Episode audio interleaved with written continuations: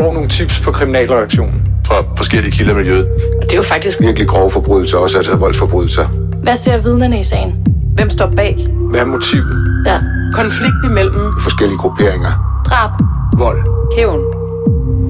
Hver uge vender vi aktuelle kriminalsager på Ekstrabladet. Det var en oprørt mor, der fik sagen til at rulle mod en mand, der er kendt under navnet TikTok-manden. Den 30-årige mand er nu tiltalt for 36 forhold, begået mod 26 forskellige ofre, herunder 17 voldtægtsforhold. Velkommen til Afhørt. Jeg hedder Linette Krøger Jespersen. Mette Flækner er medvært, og så har vi Amalie Eriksen med i studiet, som dækker den her sag, der kører i Københavns Byret lige nu. Ja, det er nemlig. Jeg har været nede i, øh, i retten med den her sag. Og Amalie, den her 30-årige mand, hvorfor er han egentlig kendt som TikTok-manden? Jamen, han er kendt øh, som øh, TikTok-manden faktisk på grund af en øh, tidligere straffesag, øh, der har været imod ham, som også havde øh, mediernes interesse.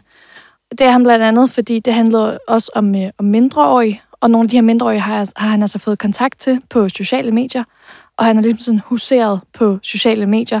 Øh, derudover så har han selv været, hvad kan man sige, lidt af et, et kendt ansigt på TikTok. Han har i hvert fald haft øh, tusindvis af følgere, og øh, har også lagt øh, øh, sjove videoer op og så videre. Dernæst så er der altså lavet en, øh, en podcast øh, om den her mand, som, øh, som hedder TikTok-manden. Jeg var selv til øh, grundlovsfører, da han blev fremstillet i sin tid. Og det er jo sådan, at der er navneforbud i sagen, men vi fik lov til at kalde ham den her betegnelse TikTok-manden. Og nu her under hovedforhandlingen, så er det så også øh, blevet tilladt, at øh, man kan kalde ham Mikkel til fornavn. Ja, det er, øh, det er rigtigt. Øh, Så medierne svinger lidt mellem at kalde ham for, for Mikkel og for TikTok-manden. Og hvad er det, øh, han er tiltalt for? Jamen, han er tiltalt for 36 forhold, og ud af dem her, så er 17 af dem, ifølge anklageren, altså voldtægtsforhold. Øh, forhold.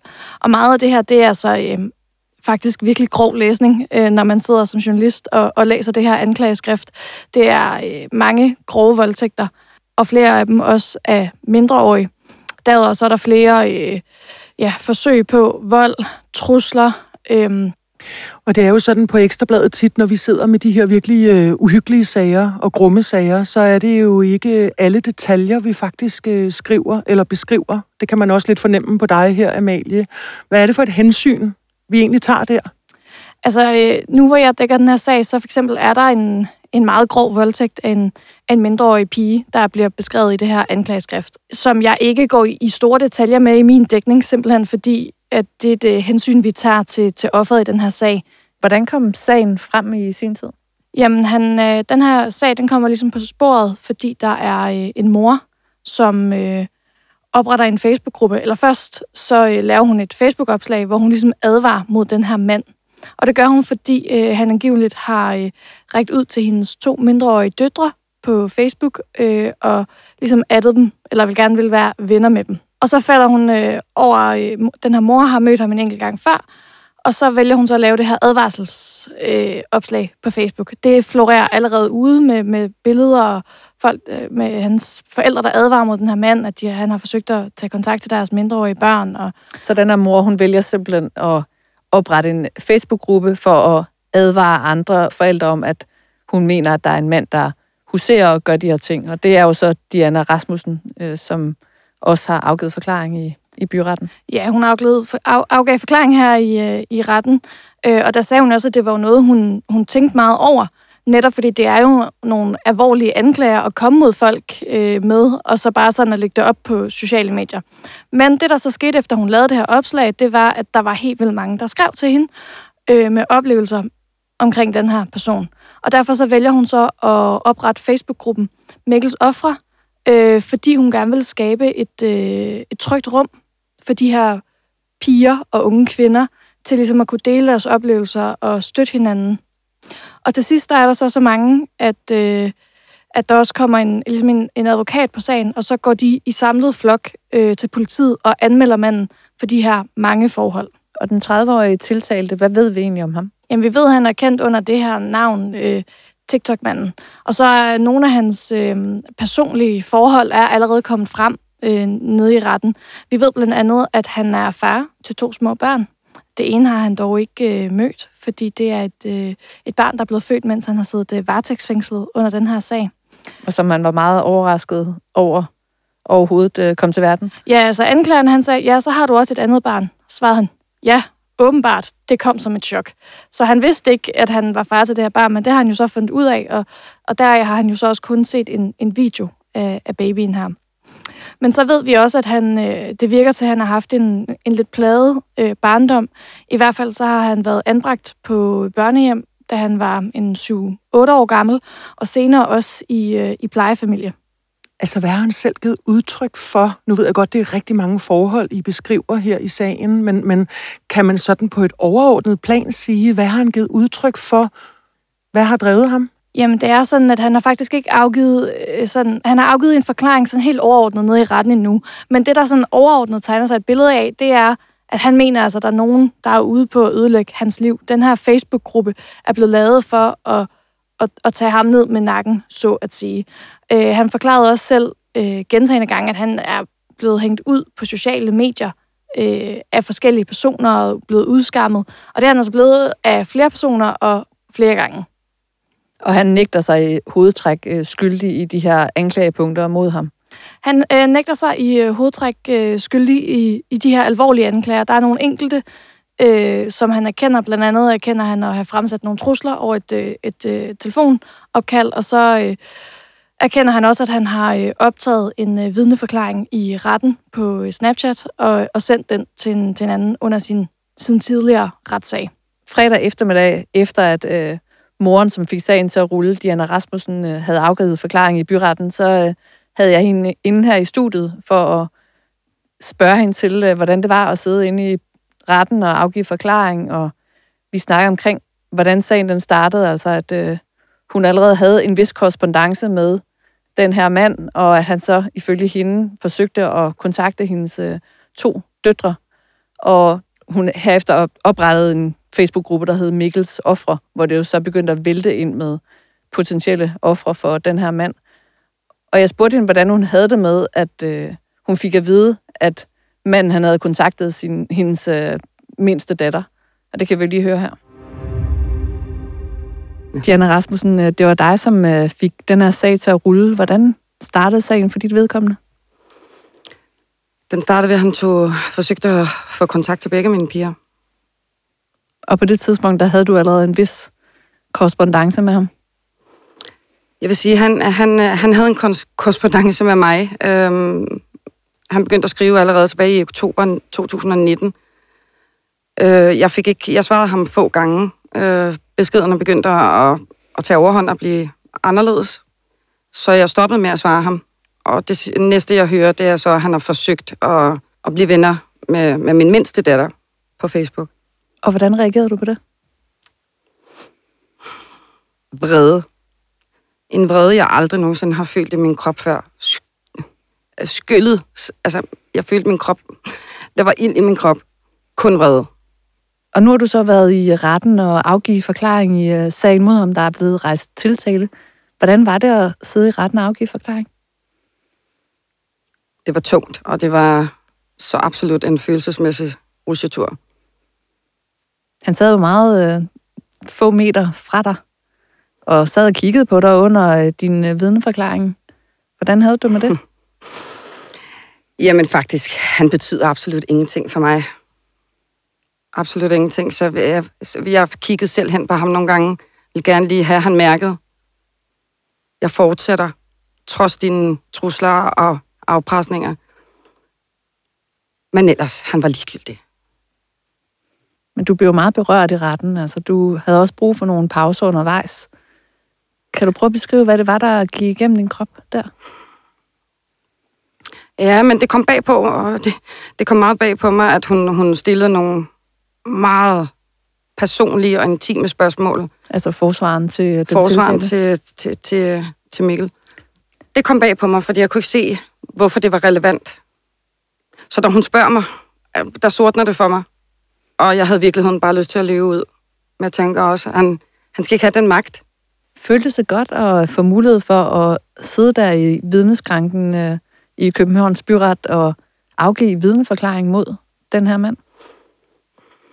Jeg ved ikke, om det føles godt. Det var ikke særlig behageligt, mens jeg sad der. Men det er rart, at, at det føles virkelig rart, at, at det kan starte nu. Så det kan få en ende for os alle sammen. Og mest alt, de ofre, som er der, de har brug for at, at kunne lægge det bag sig og begynde healingen og komme videre. Ja, fordi hele den her sag, hvor, øh, hvor meget har det påvirket dig? Det har været... Jeg vil lyve, hvis jeg, hvis jeg sagde, at det ikke havde påvirket mig. Det har været det hårdeste, jeg nogensinde har prøvet. Øhm, jeg har selv fået PTSD efterfølgende, men jeg vil ikke, jeg vil ikke ændre noget. Absolut ingenting. Øhm, jeg er glad for, at jeg gjorde det. De fortjener retfærdighed. De fortjener at blive hørt. Hvad er det ved den her sag, som har gået så dybt i dig, altså som har gjort, at du har fået PTSD og jo sådan set har været ude i tårne? Altså et, så, øhm, så har jeg været udsat for det samme som, som de her piger. Jeg havde bare... Jeg har ikke tænkt over det i 24 år. Jeg selvfølgelig har jeg tænkt over det, men, men det har ligget i baghovedet. Jeg har prøvet at skubbe det væk. Så jeg, jeg vidste, jeg vidste, hvad pigerne gik igennem, men udover det, så har jeg, har, de, har jeg jo haft samtalerne med pigerne. Og jeg har skrevet med over 400 piger, som i detaljer har beskrevet deres møde med ham. Det sætter sig, det sætter sig meget, meget dybt. Og du kan, du kan mærke deres smerte. Så da jeg var færdig med det hele, så, så begyndte jeg at få mareridt, og, og mine egne ting begyndte at, at poppe op. Og jeg skulle lige pludselig forholde mig til det. Men, men den dag skulle komme. Og det er jo det, jeg har vejledt pigerne i. At I er nødt til at, I er nødt til at, at face det. Man kan ikke lægge det bag sig, fordi så var det hjem, hjemsøgt resten af livet. Så det er hårdt, men, men jeg, jeg er glad for, at jeg gjorde det. Så kan vi få renset ud. Og det er, er jo en sag, der ligesom tager sit udspring i de sociale medier, altså hvor kontakten den bliver etableret i de sociale medier, i den verden. Har du et budskab til for eksempel andre forældre, til øh, unge mennesker, som, øh, som jo øh, gebærder sig i den der verden?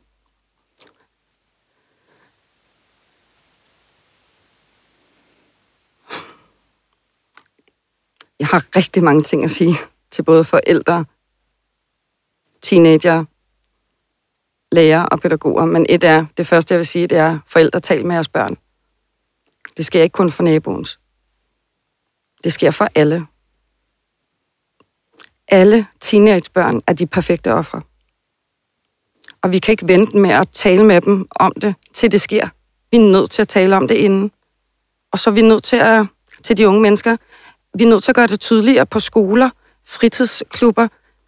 Der er nødt til at være noget, noget, noget oplysning. Hvor kan de henvende sig, hvis de her ting skulle ske? Hvis de blev krænket? For den her skyld og skam, den fylder så vanvittigt meget.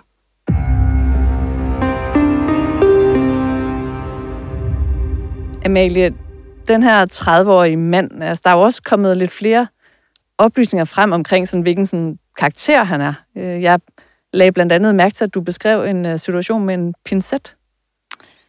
Ja, altså det er sådan, at det var noget af det, der, der fyldte på sagens øh, første retsdag. Der kom der så frem, at øh, den her 30-årige TikTok-mand, han lige pludselig ikke vil lade sig afhøre af politiet, øh, mens han har siddet varetægtsfængslet. Og, øh, og det ville han altså ikke, fordi han havde ikke, han havde ikke adgang til en pincet i sin celle. Og som han sagde, det havde alle andre, så det ville han altså på, på gangen, så det vil han også have adgang til. Og hvis han ikke fik adgang til sådan en, så ville han altså ikke samarbejde med politiet længere.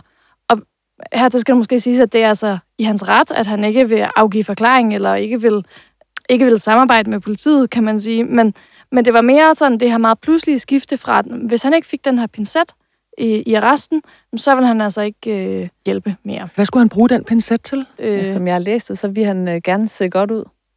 Ja. At han gik op i sig selv. Ja, og det der med, at han, det er også umiddelbart det, jeg har, har tolket ud fra det. Og det, fordi det er også et aspekt, der tydeligvis fylder meget for ham i retten. Øh, på sagens første retsdag, der havde han sådan et øh, gråt jakkesæt på, og en, en grøn skjorte, øh, og Chelsea boots, og han havde øh, sat sin, han har sådan nogle krøller på toppen, og de var meget tydeligt øh, sat, øh, så han så, han så sådan præsentabel ud. Og det samme gjorde han også på sagens anden retsdag, der havde han et par jeans på, et hvidt bælte og en rød skjorte, og igen sådan, han så sådan meget præsentabel ud, øh, ordentligt, ordentligt klædt, vil jeg sige, i forhold til, at nogle gange, når vi sidder nede i retten, så kommer folk øh, ofte ind lidt der i deres øh, joggentøj, ikke? Men, men han har virkelig været sådan velklædt, og det er tydeligt at mærke, at han er en, der går, der går op i sit udseende, også med, med nogle af de tatoveringer, han for eksempel har. Han er jo også blevet øh, mentalt undersøgt, men jeg kan også forstå, at det er jo heller ikke øh, gået fuldstændig uden sværslag. Nej, altså han er i gang med at blive øh, mentalt undersøgt. Han er jo blevet mentalt undersøgt en gang øh, tidligere øh, ved, ved den tidligere retssag. Og nu skulle han så også, også øh, mentalt undersøges i forbindelse med den her sag. Men det har han også nægtet. Så derfor så er han blevet tvangsind, tvangsindlagt til det. Og de er øh, fortsat i gang med den her mentale undersøgelse. Øh, den er ikke færdig endnu. Vi skal måske lige indskyde, det her med mental undersøgelse, det er jo typisk for at finde ud af, jamen er det en, øh, altså en, som er mistænkt, anklaget, sigtet eller tiltalt for noget, er han egnet til straf, eller er der nogle omstændigheder, man skal tage med i betragtning i forhold til en øh, psykisk øh, habitus? Ja, og der er han så i hvert fald ikke øh, enig med psykologens konklusioner, kan vi jo så øh, ja, konkludere. Mens han har siddet varetægtsfængslet i den her sag, der nu kører i Københavns Byret, så er han blevet dømt i en anden sag i 2021. Hvad er karakteren af den? Jamen, karakteren er, hvad kan man sige, lidt hen ad den samme som den her. Øh, også en ret grov øh, seksualsag, der øh, involverer mindreårige. Han er dømt for at have, have krænket øh, fem mindreårige, øh, og herunder en, altså have voldtaget en, en mindreårig. Og så er han også øh, dømt for andet kønsligt forhold end samleje med en mindreårig, nogle blodfærdighedskrænkelser, trusler, ulovlig tvang og forsøg på ulovlig tvang. Og det her, det fik han altså så øhm, tre år for i, i 2021. Men den er ligesom kommet, hvad kan man sige, oveni, oveni den her, så... Ja, fordi der fremgår af anklageskriftet i den her sag, at anklagemyndigheden tager forbehold for en anden sanktion end straf. Altså, det kan jo for eksempel være en anbringelsesdom eller en forvaringsdom. Og du siger, at der øh, går lang tid før, der falder dom i den her sag? Ja, jeg mener, vi er helt hen omkring øh, maj eller juni måned. Så håber jeg, at du kommer ind og gør os øh, klogere på det. Tak, det gør jeg i hvert fald. Det lyder godt.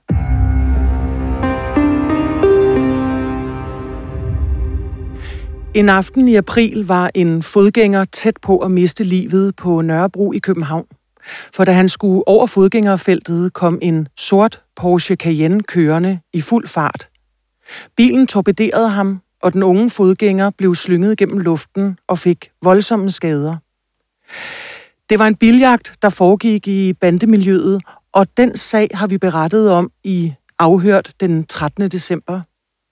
Men nu er der faldet dom i sagen, og det har også været dramatisk, og vi kan fortælle meget mere om den mand, som sad bag rattet i Porsche. Og Cecilia Erland, den sag har du dækket, og hvad endte dommen med, når vi taler om føreren af Porsche? Føreren af Porsche, som er den 28-årige, er han Unaran. Han fik halvandet års fængsel, og så blev han udvist i seks år af Danmark. Øhm, og han er tyrkisk statsborger. Så, så det er derfor, man, man har mulighed for at udvise ham. Hvad er det, han har i fortid? Jamen, øh, den her 28-årige mand, som, som førte Porsche, han er... Øh, en af de mest toneangivende medlemmer af gadebanden NNV, og det har han været ifølge vores oplysninger jamen, siden sin teenageår, øh, hvor han har været venner med, med øh, et par andre, øh, der på det tidspunkt var, var teenage-drenge, men nu er, er voksne mænd, som ligesom sammen har udgjort den her kerne. Øh, det, det var allerede tilbage, øh, som sagt, i, i deres teenageår, at de ligesom gjorde sig bemærket, og politiet begyndte at kalde dem forskellige ting, Nordvestgruppen, øh, Nordvestkopenhagen og lignende. Øhm, og, og de begyndte at komme i, i konflikter med, med andre øh, grupper, der, der prøvede at, at møde sig ind i, i Nordvestkvarteret, hvis man kan sige det sådan. Øhm, og så har de også været forbi Brothers, og det var, øh, da den her lille gruppe af mænd fra Nordvestkvarteret kom ind i Brothers, at det hele endte med at eksplodere faktisk, øh, og Brothers, som jo er en af de første store gadebander i Danmark, blev øh, splittet i to, hvor at ud af, af Brothers, jamen der, der blev NNV så født, som, øh, som de så endte med at kalde sig, og, og hvor de før øh, ikke selv måske har kaldt sig så meget andet end en gruppe venner, jamen så, så blev de rent faktisk en, en bande på det her tidspunkt med øh, bandetatoveringer og merchandise og, og hvad der ellers følger med. Men er der noget dom, der tyder på, at hans bandetilknytning øh, har noget at gøre med øh, den her påkørsel?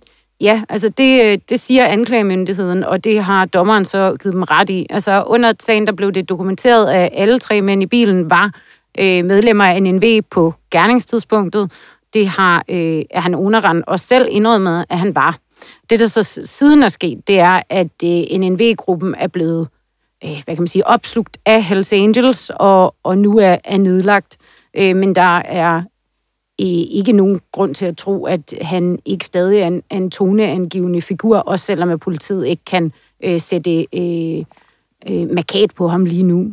Og så ud over hans øh, tilhørsforhold til NNV og det, du har beskrevet, så havde han en øh, fortid også i forhold til øh, domme. Ja, altså, og igen, som du også var inde på, Flæk, så, så er det kutumen jo, at vi ikke nævner folks navne, men, men lige præcis her, der har vi jo så vurderet, at, at det er en slags underverdens skyldne kæder, som, øh, som gælder, og det er derfor, at vi, vi vælger at navngive ham, og han har nemlig en, en lang række af domme bag sig, og øh, det var også det, som der, der gjorde udslaget, da han fik den her udvisningsdom. Hvad er det for nogle domme, han har bag sig? Jamen altså, han er, er dømt for øh, røveri, og han er dømt for øh, frihedsberøvelse, dokumentfalsk, øh, og en, en lang række andre ting, som, som øh, ligesom relaterer sig til et, et kriminel i den, eller et, et liv i den kriminelle løbebane. Og det er altså allerede, øh, jeg, har, jeg har fået en dom øh, fra, som jeg tror er fra 2013 eller noget i den stil, hvor at allerede der kan man også se, der ligger en lang stribe af domme før det. Altså, så, så alting tyder på, at han fra han var meget ung, simpelthen har, har begået kriminalitet. Og det kan være, at vi lige skal få på plads i forhold til påkørslen, at offeret, altså ham, der blev påkørt, han var jo et fuldstændig tilfældigt menneske, som øh, gik over fodgængerovergangen. Og den her banderelation, som retten altså mener, at øh, der er i den her sag, det er altså den bil, som han øh, følger efter i forbindelse med, at han laver en uvending.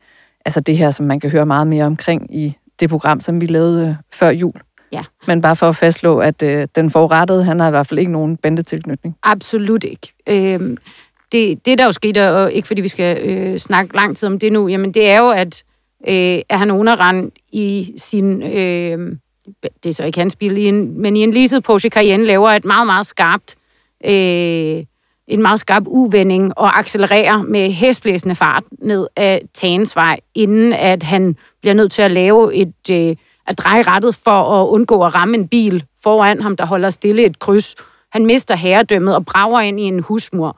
Inden han rammer husmuren, så er det, at den her fodgænger bliver torpederet, flyver op i luften og ligger tilbage øh, med brud mange steder i kroppen og, og, og ligger der blødende på asfalten og i livsfare.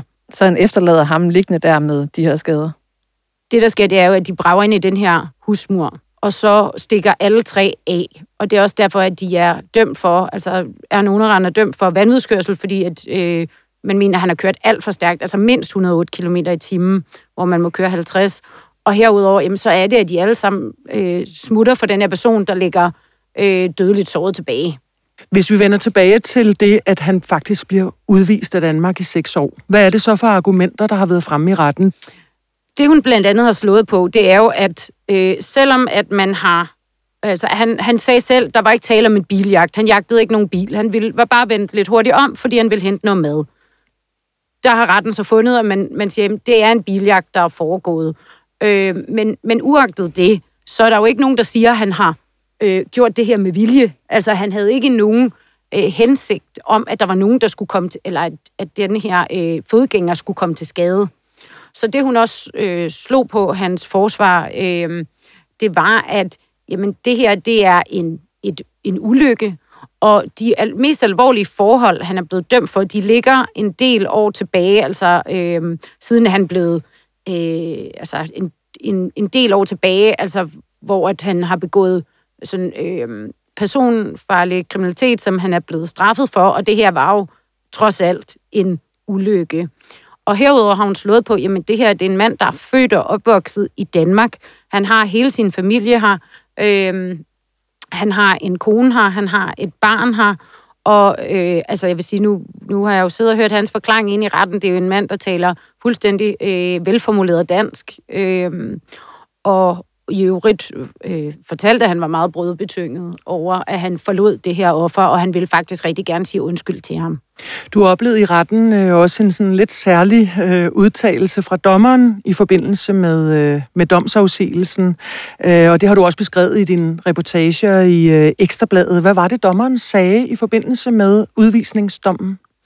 Ja, altså lige så snart, at øh, dommen faldt, der, der kunne man se, at øh, Øh, han, han underen, han, han sad, og han, han var lidt stiv i kroppen og kiggede ned i bordet, og der, der var ikke nogen tvivl om, at han, han var rørt af den her udvisningsdom. Øh, det skal så lige siges, at anklagemyndigheden ville have ham udvist for bestandigt, hvor han så fik de her seks år. Så det kunne være gået endnu, endnu værre, om man så må sige. Men, men altså, han var påvirket, og det så dommeren, og henvendte sig til ham. Øh, men, men hvad vil jeg sige, en, sige, en medfølgende øh, mine, og sagde, jeg forstår godt, du er ked af det, øh, men som jeg også nævnte tidligere, han, han ligesom sagde, der, der er bare ikke mere at give af her. Samlet syv års fængsel, øh, tre betingede domme, der, det kan næsten ikke være anderledes nu, men jeg forstår godt, hvis du anker, og det skal du have held og lykke med. Og, og det er, nu har jeg jo også siddet til mange retssager, det har I jo også, det, det er ikke ofte, at man hører en, en retsformand øh, udtale sig sådan efter en dom. Hvordan oplevede du det? Altså jeg tænker, jeg sidder sådan lidt, når jeg hører dig fortælle om det, og også har læst din reportage, så tænker jeg, er det sådan en særlig empatisk dommer, eller kan det være en domsmandsret, som har været meget i tvivl? Nej, altså det, det var en... Altså han sagde, vi, vi var enige om det. Øhm, men jeg tror måske også bare, man må udlede, jamen, altså dommer og, og øh, så, så mange andre i, i det her fag, jamen, de er jo også mennesker, og de er 100% professionelle omkring, jamen hvad er praksis, hvad siger... Øh, hvad, hvad siger politikerne? Altså, hvad, hvad er det, man vil have? Og så udfører man selvfølgelig det. Men derfor er man jo også stadig mennesker, der, der øh, kan virkelig øh, afsige domme, der er enormt indgribende i andres liv, og, og det, det tror jeg det faktisk som... Altså, jeg, jeg tror på, når han sagde, at, øh, at han godt kunne forstå, at han var ked af det. Det, det føltes egentlig sådan som et... Øh, altså meget naturligt. Der var jo også et offer i sagen, og han fik tilkendt en, øh, en stor erstatning også. Øh, og øh, nu er sagen så anket til landsretten, og hvad forventer vi derfra? Hvornår kommer den for? Det er svært at sige. Altså, der, der kan selvfølgelig godt gå noget tid. Altså, de ankede alle tre på stedet. Altså, han fik øh, jo de her halvandet år, så øh, de to passagerer i bilen fik henholdsvis øh, syv og fire måneders fængsel. Altså, der var også et forhold omkring, at de faktisk først de blev anholdt noget før han gjorde, og, øh, og den ældste af dem, en 41 han prøvede faktisk at tage skylden i grundlovsforhøret, hvor at den 30-årige så øh, ligesom også kom med samme udlægning. Så, så det blev de faktisk også dømt for. Øh, men, øh, men igen, de, de ankede alle tre, og, øh, og nu må vi jo så se, hvad der sker der, og, og der er jo ikke nogen tvivl om, det er udvisningsdelen, der er øh, det, som, som gør, at der, der for alvor er noget på spil i den her sag. Og det kommer du til at følge tæt, Cecilie. Tak for nu. Det regner med. Tak. Hvis du vil høre mere om den dramatiske sag, så kan du gå ind og lytte til Afhørt den 13. december.